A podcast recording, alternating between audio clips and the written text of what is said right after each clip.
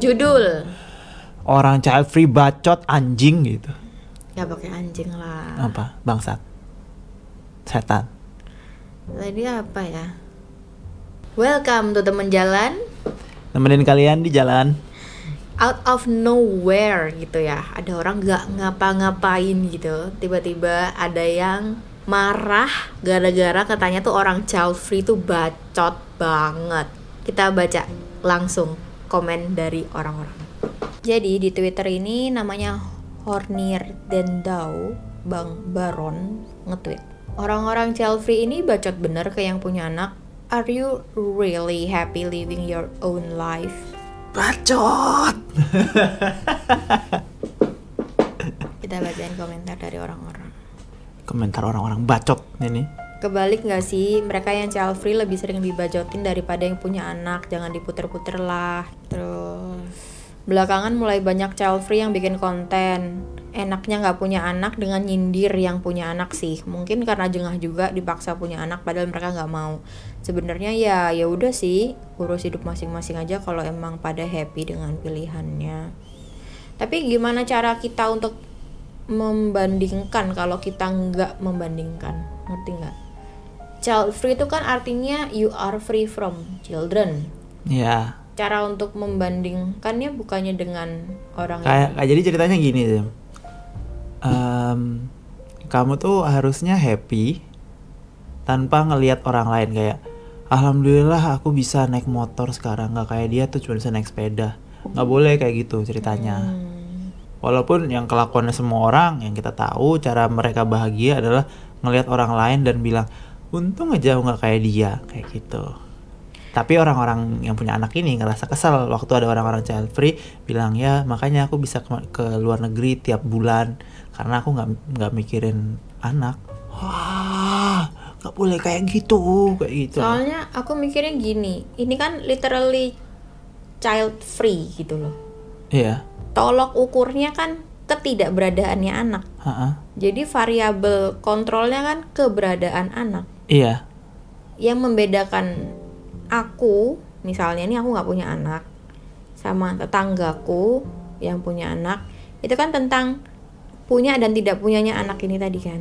iya Anggap pemasukan kita sama, pengeluaran kita sama Mm-mm. untuk kita pribadi-pribadinya. Tapi aku bisa kayak tiba-tiba jalan-jalan. Aku bisa tiba-tiba eh, apa ya? keluar kerja karena bosnya ngeselin.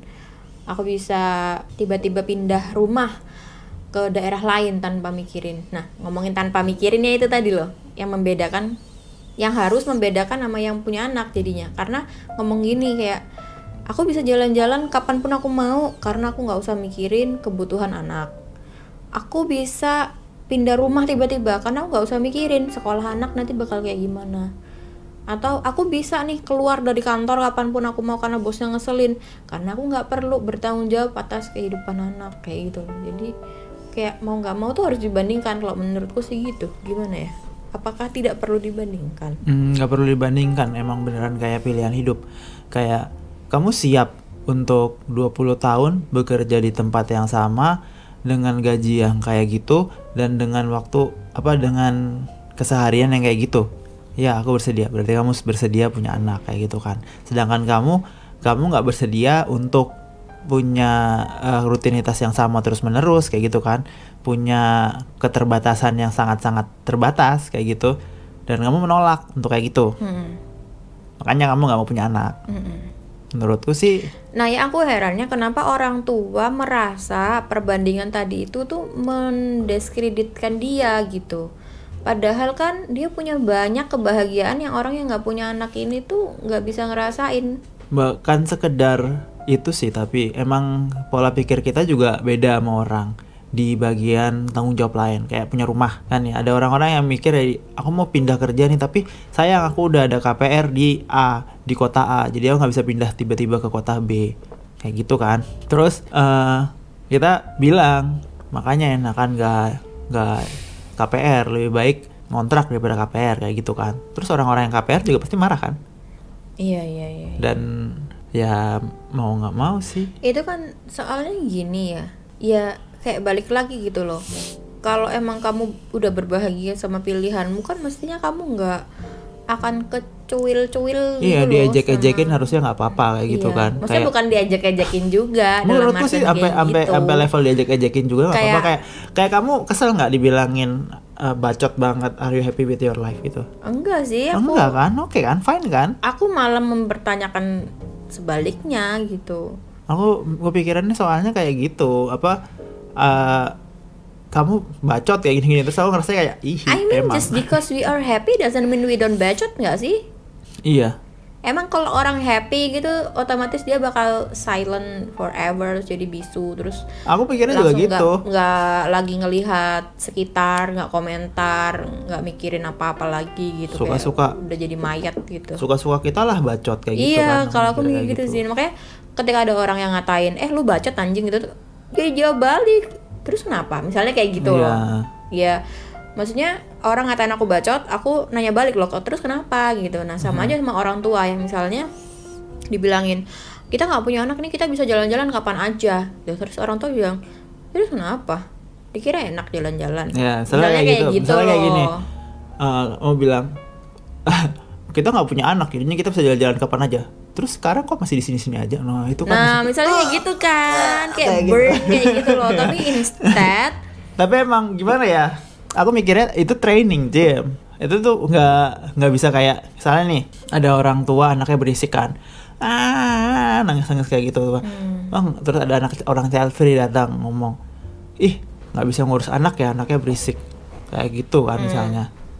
Terus orang tuanya tuh harusnya bisa memikirkan kalimat untuk ngebales. Mm-mm. gimana sih child free ini? Ah daripada lu orang tua lu nggak bisa ngurus lu. Jadi lu sekarang kayak gini misalnya kayak gitulah atau gimana aku nggak ngerti lah menurutku soalnya kayak kata ngatainnya barusan legit atau ya paling enggak dikira bangga orang tua lu sama lu misalnya kayak gitu. iya benar Heeh. anak gua tantrum doang lu bacot kayak gitu Hmm. aslinya Urusin lah urusanmu sendiri mbak, nggak usah ngomentarin orang kayak gitu kan Nah, juga iya, bisa. bisa. Misalnya, misalnya soalnya aslinya itu. kamu pun bawa anak tantrum gitu ya di dalam mall gitu kamu yang sendiri pasti nggak nyaman sebenarnya di, justru gara-gara di itu ruangan itu tuh yang paling mikirin tuh kamu loh orang-orang tuh kayak bodoh amat aslinya, Aslinya. sort of bodoh amat Tapi kamunya sendiri yang ngerasa anakmu tuh menjadi beban Nah, gitu loh. ah. Jadinya kamunya sendiri yang malu, yang ini ini terus sampai mikir semua orang itu lagi nyalain kamu, lagi Padahal ngejudge kamu padahal nggak ada enggak. orang orang yang bakal datang kamu bilang kamu nggak bisa ngurus anak waktu saat itu nggak ada kecuali orang ngejudge. bangke Ya kalau sesekali ya kayak mereka tuh eh, noleh atau gimana ya wajar kan karena ada sumber Iya. suara kan nggak tiba-tiba sumber suaranya noleh apa. terus datengin nggak bisa ngurus anak ya Iya, masa mau. ada, sih orang, kayak gitu. Ini biasanya yang punya anak sendiri yang mikir-mikir kayak gitu kayak karena gitu, di kepala mereka tuh in a perfect world anakku nggak tantrum. Iya. Mereka sendiri yang mikir gitu padahal sebenarnya kita kita ini justru sangat paham gitu. Anak bisa ka- tantrum kapan pun. udah gitu. satu tuh udah nggak tantrum Dan misalnya that's one reason kita nggak punya anak karena Iya. kita tahu hal-hal kayak gitu. uncontrollable uncontrollable Iya, things ya hal-hal gitu yang kayak gitu yang kita nggak bisa kontrol. Jadi ketika ada orang tua punya anak dan mereka menjalani hal yang tidak bisa dikontrol itu kita tuh sangat paham, sangat ngerti gitu. Jadi kita nggak akan ngejudge gitu sih. Biasanya justru yang ngejudge itu justru malah dari sesama orang tua biasanya. Kayak anakku nggak tantrum nggak kayak anakmu kayak ini nih ada yang ada yang komen sih. Halah dijudge mulu mbak yang punya anak tuh apalagi pas ada anak tantrum di tempat umum walah ale ngoceh ngungkuli manuk beo gitu. Terus ada yang bilang kalau ada anak tantrum di tempat umum biasanya bukan warga child free aja sih yang julid mak-mak senior merasa lebih expert karena dulu juga pernah punya anak tapi nggak pernah tantrum di public area pun jadi julid serius Hmm, dah. Kayak kalau nggak salah yang kamu cerita waktu itu eh, Raditya Dika ya. Iya dia Kalau dia kesel kalau naik pesawat bareng anak-anak padahal dia sendiri udah punya anak kayak gitu kan aku Iya. ngerasanya malah kayak orang yang punya anak itu tuh mungkin banget kesel sama anak yang bukan anaknya dia Hmm. toleransinya tuh langsung kayak tipis banget. Sedangkan anaknya dia mau nangis mau ngapain mau gimana. Tapi itu karena itu anaknya dia dia tuh toleransinya gede banget kayak gitu. Bahkan kamu pernah lihat kan pasti kayak di film film apa itu kemarin kita tonton Juvenile Justice itu anaknya tuh mukulin cucunya itu ibunya masih ngebelain anaknya. Kayak toleransinya jadi tebel banget kayak gitu sedangkan kalau orang lain pasti ditimpukin makanya waktu kita eh, waktu itu babysitting challenge kan kita ngerawat anak orang selama seminggu juga kita kan kecapean banget kita Uh-uh. bilang kita nggak bisa tidur terus akhirnya bisa tidur bisa besoknya kerja. tapi nggak bisa kerja dan banyak hal lain yang eh, sangat-sangat di nggak luar nyaman area kenyamanan kita Iya. terus kan juga kakak kakakmu kan komen kan Heeh. ya kan itu lu ngerawat anak orang kalau anak sendiri ya pasti beda gitu iya Padahal kita mikir anak orang ataupun anak kita yang kita lakukan pasti sama dan pasti sama capeknya. Cuma mungkin benar bakal berbeda rasa sayangnya mungkin bagi bagi mereka ya kalau anak kandung tuh bakal beda rasanya mungkin kayak gitu. Tapi kalau kita pribadi sih sejujurnya kita mau itu ada urusan eh, ada relasi darah atau tidak sama kita sebenarnya bagi kita sih semua manusia sama aja sih Mm-mm. Nggak ngasih Mungkin- nilai plus atau mungkin minus. karena karena kita nggak melalui mungkin kamu itu kan belum melalui enggak enggak bukan belum ya enggak melalui fase mengandung anak itu gitu kan kayak suatu pengorbanan yang udah kamu buat menjadikan anak itu Eh, jadi kalau misalnya kamu itu cuma adopsi itu hilang masa itu terus kamu jadi ngerasanya kayak orang-orang tuh mikirnya kayak nggak mungkin kamu punya ikatan yang sebesar itu sama anak Hmm. bukan anak kandung Iya tapi kan capeknya ya bakal sama aja capeknya sebenarnya. bakal sama aja. Orang-orang yang aku ini tuh beneran kayak kayak ini Kapten Subasa kayak Naruto gitu kayak ada semangat gitu. Tiba-tiba jadi kuat. Nih ada yang komen. Orang child free pasti nggak akan mau kalau semua manusia di dunia ini jadi child free. Karena beranak itu cara manusia survive di spesies. Jadi mungkin para child free perlu terima kasih ke orang-orang yang mau memikul tugas surviving itu Dengan rela punya anak dengan segala suka dan duka. Duka dan duka iya suka. Kita aku sama aku sangat-sangat support dengan orang yang mau punya anak sih. Ngapain lu perlu terima kasih? Itu kan keputusan masing-masing ada yang bilang gitu. Kalau aku sih ngerasa terima kasih sih Jim ya kalau nggak kalau ngerasa nggak perlu terima kasih maka nggak usah juga saling berpandangan negatif atau kesal antara yang child free dan yang mutusin punya anak. Semua ada plus minusnya.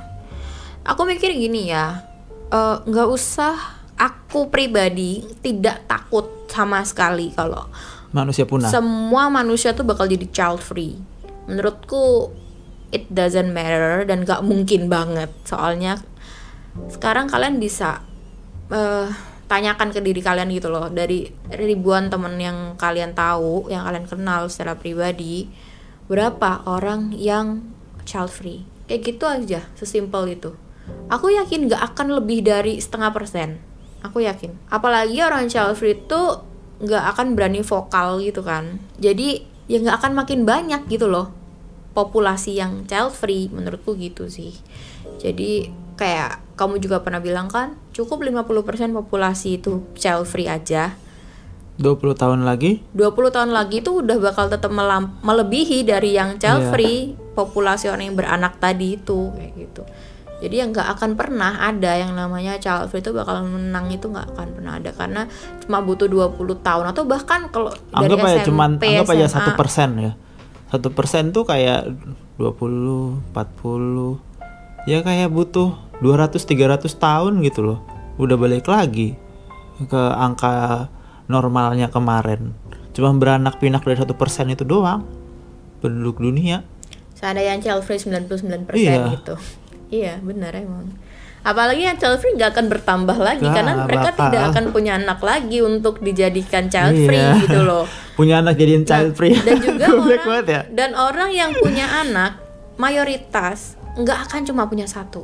Benar. Di situ. Jadi tiap satu orang child free cukup ada satu orang aja lagi nih yang mau punya anak dan dia punya anaknya tuh dua atau tiga. Itu udah outnumbered iya. by so many apalagi kalau sekarang. Jadi kayak walaupun misalnya 50% orang free dan 50% orang punya anak tetap nggak akan kekejar jadi kayak nonsense kalian tuh takut sama Jadi child free tuh. orang-orang tuh anehnya mikir tuh child free itu tuh sangat bertentangan dengan orang-orang yang punya anak. Padahal child free itu adalah netral.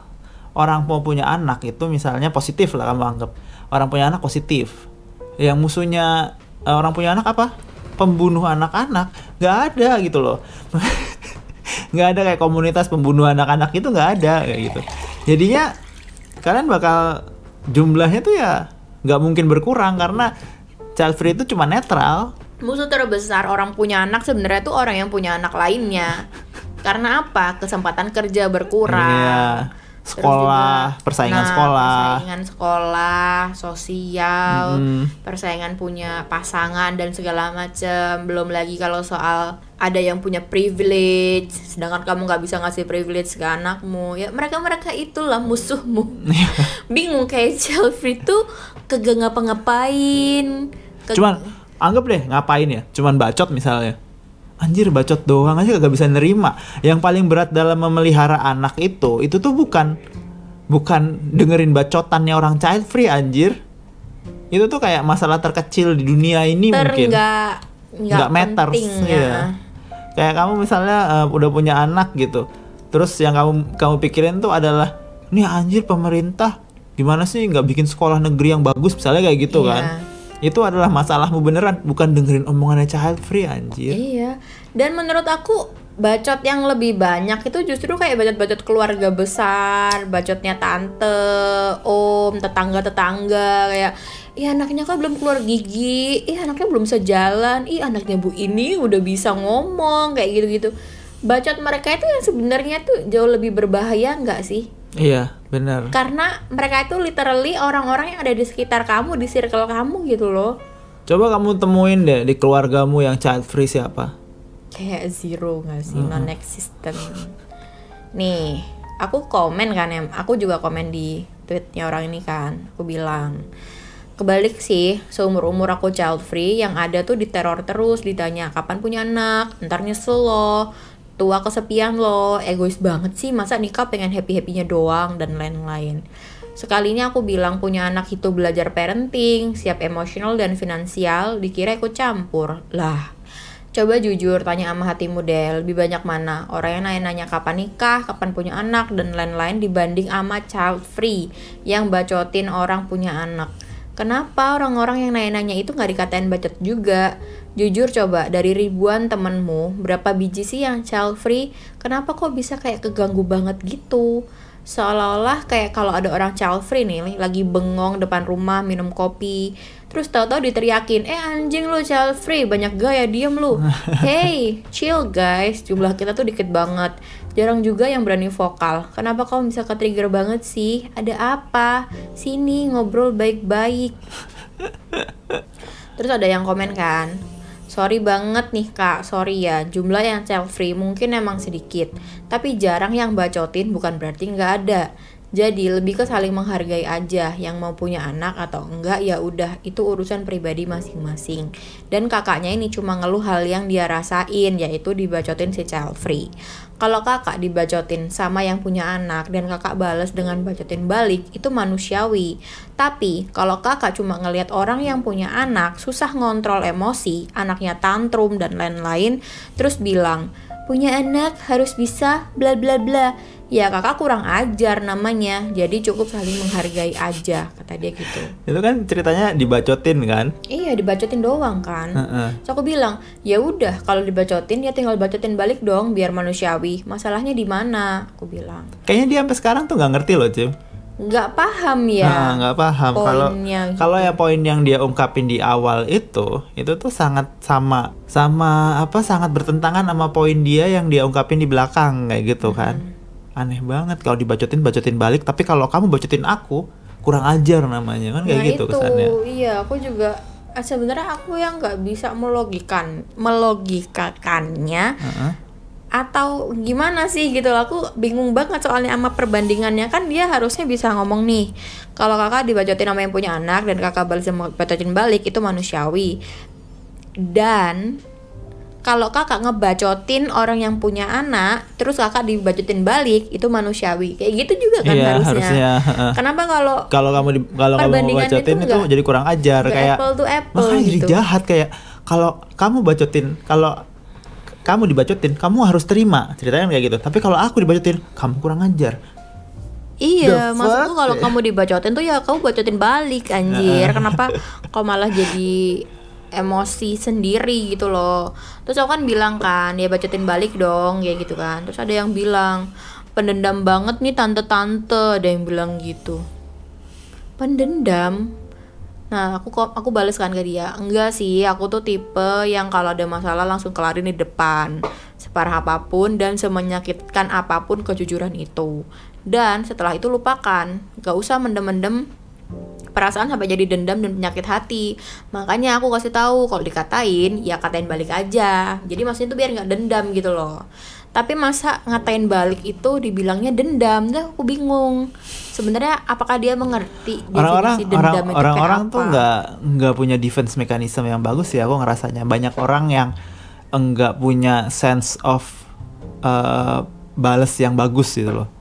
Jadi kayak saat ada orang ngomong ingin kamu kayak Nero misalnya. Aku selalu aku sense of balasku nggak bagus tapi aku biasa aja gitu loh. Nero kapan mau punya anak ah doain aja. Misalnya jawab kayak gitu kan oke kan kelar kayak gitu. Sedangkan mereka yang orang-orang yang emang beneran mau punya anak saat ditanyain ini eh, kapan mau punya anak? Kayak gitu tuh langsung kayak apa? Kamu ini nanya-nanya pertanyaan pribadi menyakiti hati kayak gitu-gitu. Jadi aneh. Tapi kadang-kadang aku juga bingung. Sebenarnya lebih enak mana sih kita itu buat dibenci atau dikasihani. Pilihannya kayak cuma dua deh jadi seorang child free itu. Hmm aku pengen tapi padahal pilihannya cuma dua padahal paling enak tuh aslinya dibiarin kan? Dibomatin sih Nah, lebih. tapi orang-orang malah mikirnya kita kadang jadi kayak pertama tuh aku kasihan sama keluarga aku karena mereka masih ngira kayak aku udah nikah lama belum punya anak. Nggak apa-apa tetangga tante juga ini tiga tahun baru dikasih kayak gitu gitu lah padahal buat kita tuh eh, kita nggak punya anak itu adalah sesuatu hal yang ya udah just naturally gitu loh. Kayak orang mau rambutnya panjang atau rambutnya pendek nggak usah kayak dikasianin juga karena aku juga nggak enak kan dikasianin. Kasihan sama mereka yang kasihan sama aku ngerti gak sih maksudnya? Tapi kalau dibenci juga kan nggak enak. Benci juga nggak enak dan kita juga harus eh, kayak debat terus-terusan kan jadinya. Which is kita actually enjoy tapi sometimes Iya. with some certain people, kalau ke keluarga aku emang so far aku masih ya lebih memilih untuk diterima aja buat dikasihan kasihanin terus kayak udah promil udah coba pijit ke sini coba makan ini itu minum ini itu kayak gitu gitu dan negatifnya lagi mereka jadi nyala nyalain mamaku. Oh iya mungkin gara-gara mamanya dulu gini gini ini gitu gitulah padahal ya kayak ya kayak aneh-aneh gitu kan nyalah nyalahinnya Padahal ya, ya gitu deh pokoknya. Lama keluargamu tuh justru malah lebih, menurutku lebih akrab ya. Karena dengan kita berdebat itu artinya kita terbuka kan sebenarnya. Sama pilihan hidup kita, kita berani buat ngomong gitu loh. Walaupun emang ditentang habis-habisan dan di debat abis juga sih ya. Kayak ya yang biasalah bilang ntar tuanya gimana gimana kayak gitu gitu padahal Iya, kan iya. kita juga tahu masa depan nggak ada yang bisa tahu kan nggak ada yang bisa ngintip gitu. Kata-kata yang paling bagus yang aku ingat itu.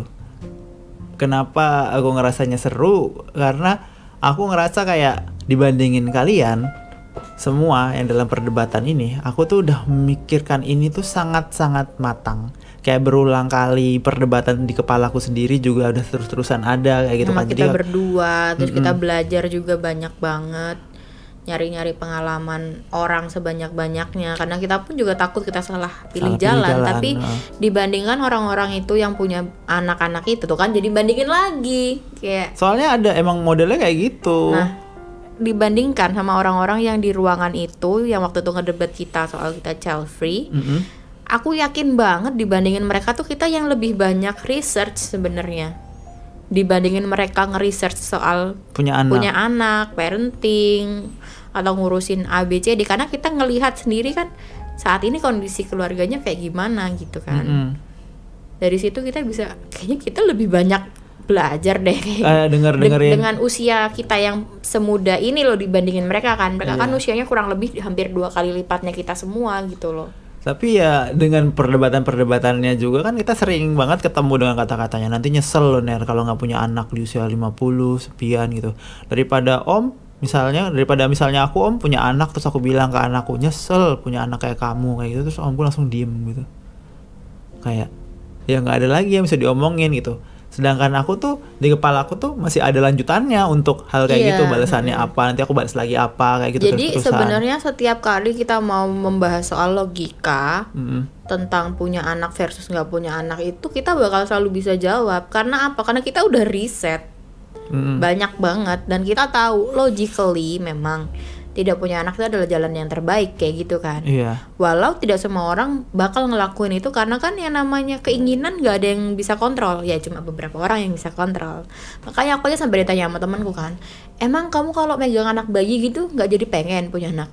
Ya Pengen. pengen. Pengen banget aku. Pengen Heeh, lucu, imut. Ya gitu-gitu kan. Cuman ya kita tidak selalu bisa dapetin apa yang kita inginkan orang-orang ya tuh gitu kapan sih sadarnya kalau mereka tuh nggak bisa dapet apa yang mereka pengen itu? Karena ya karena kita tuh kalau punya keinginan kita pikirin matang-matang kita riset kita plus minusnya terus kita rencanakan budgeting dan segala macamnya termasuk sama kerja kita sama waktu kita dan segala macam gitu ya intinya that's just not for us gitu sih Mm-mm. Kalau ada yang udah riset, udah tahu, udah tahu bakal capek, udah tapi tahu bakal berat, enggak aku nggak yakin orang-orang yang punya anak tuh riset. udah udah tahu bakal anak. bakal nggak enak, udah tahu nanti suatu saat mungkin ditinggal kayak gitu. Terus mikir iya sih worth it lah punya anak kayak gitu. Ya udah worth it berarti kan kayak gitu. Mungkin Tapi murtad juga. mayoritas mayoritas orang itu just do it naturally aja ya karena taunya orang nikah langsung hamil langsung punya anak. Jadi nggak sempat ada waktu buat mikir apa-apa. It just it just happens gitu aja. Hmm, hmm, hmm.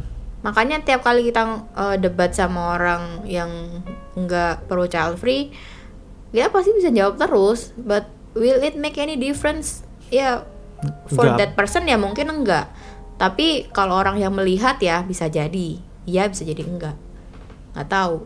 We will never know. But Sama kalau- kayak asal perdebatan. kalau kita didebat secara logically ya kita pasti bakal selalu bisa jawab kayak gitu aja Iya, terus kalau udah, udah masuk agama gimana?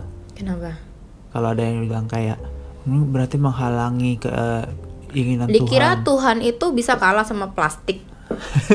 Kalau aku sih selalu gitu. Aku ngepost di IG makanya kan supaya orang nggak nggak terlalu ya, ya sebenarnya Ya, aku aku dijudge aku dijudge sih sebenarnya nggak apa-apa. Cuma maksudku aku takut orang lain yang berpikiran pengen child free juga tapi mereka jadi takut eh ternyata mereka nggak sinkron sama agama kayak gitu loh. Terus aku sih mikirnya gini, gini loh. Tuhan itu ya kun fayakun gitu.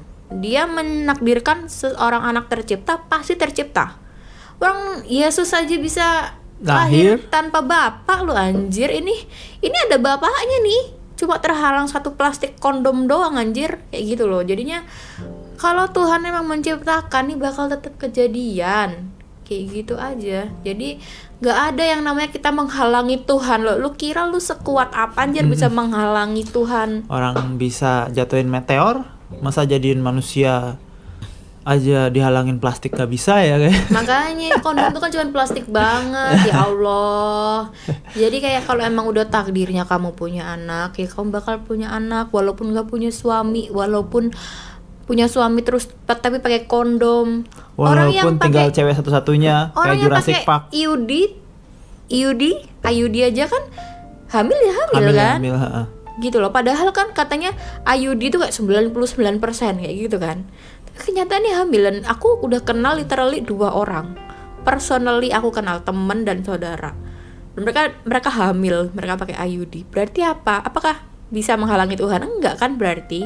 Tuhan tetap kasih anak ya udah kayak gitu. Terus kenapa kok kita pakai KB walaupun Tuhan tetap bisa kasih? Itu adalah kayak salah satu sikap kita gitu aku merencanakan buat aku nggak punya anak. Tapi ya pada kita akhirnya tahu nggak ada itu kita semua ya tergantung sama kehendak Tuhan. kayak gitu. Tapi pakai kondom itu adalah untuk menunjukkan bahwa sikapku sendiri sih.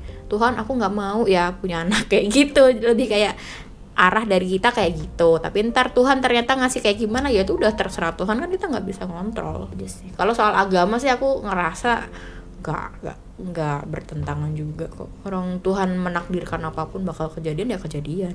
Okay I think that's all today. Ini agak serius hari ini ya. Eh, bukan agak bukan agak serius sih, cuman eh, menurutku lucu aja. Tiba-tiba ada orang out of nowhere lagi nggak ada orang child free ngomongin apa-apa. Nggak- nggak sampai- sampai siapa-siapa. Siapa nih ya? Siapa sih yang lagi bacot Siapa yang ini? bacot nih? Ya, Gitu, mikirnya kayak gitu. kegede apa kegede siapa siapa tahu-tahu orang child free kita ngapain sih anjir kayak gitu toleh-tolehan ada apa? Ini siapa? Kayaknya aku kuat juga kan orang child free lagi bengong. Orang. Orang child free bacot gitu. Oke. Oke, next time kita bakal bahas hal yang lain lagi. Ini baca yang lucu-lucu, baca-baca cerita lagi aja. Kalau mau komen, silakan cari di IG dan YouTube Oh, udah harus jalan. udah harus jadi ya berarti ya. Bye bye. Bye bye.